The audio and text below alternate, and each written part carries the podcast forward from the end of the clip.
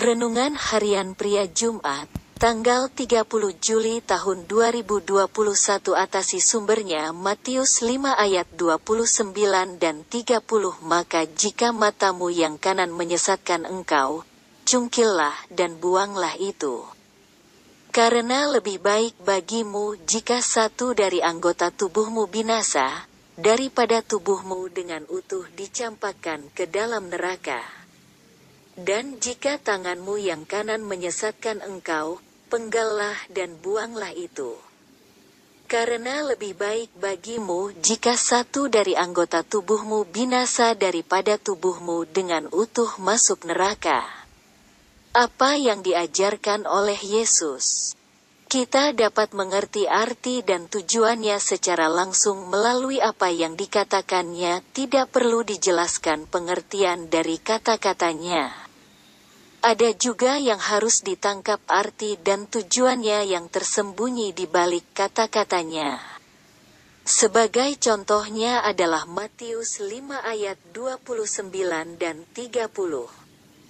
Kita harus mengerti arti dan tujuan yang ada di balik kata-katanya itu.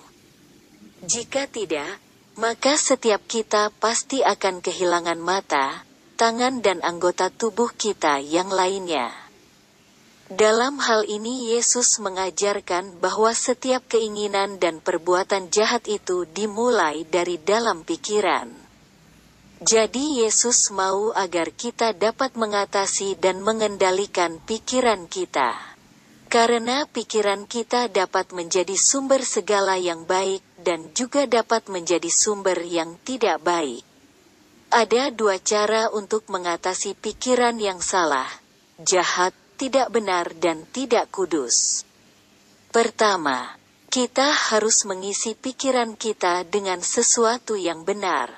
Artinya, kita isi pikiran kita dengan memikirkan hal-hal yang benar. Jadi, akhirnya, saudara-saudara, semua yang benar, semua yang mulia, semua yang adil, semua yang suci, semua yang manis, semua yang sedap didengar, semua yang disebut kebajikan dan patut dipuji, pikirkanlah semuanya itu. Filipi 4 ayat 8 Kedua, kita harus melakukan perbuatan atau tindakan yang menjadi berkat bagi orang-orang lain. Itu artinya kita tidak membiarkan diri kita nganggur. Tetapi kita menyibukkan diri dengan melakukan perbuatan baik bagi orang-orang lain. Refleksi diri, apa yang firman Tuhan katakan kepada Anda? Bagaimana kehidupan Anda dengan firman Tuhan itu? Catat komitmen Anda terhadap firman Tuhan itu. Doakan komitmen Anda itu, pengakuan imanku, dengan pertolongan Tuhan saya mengisi pikiran saya dengan kebenaran firman Tuhan.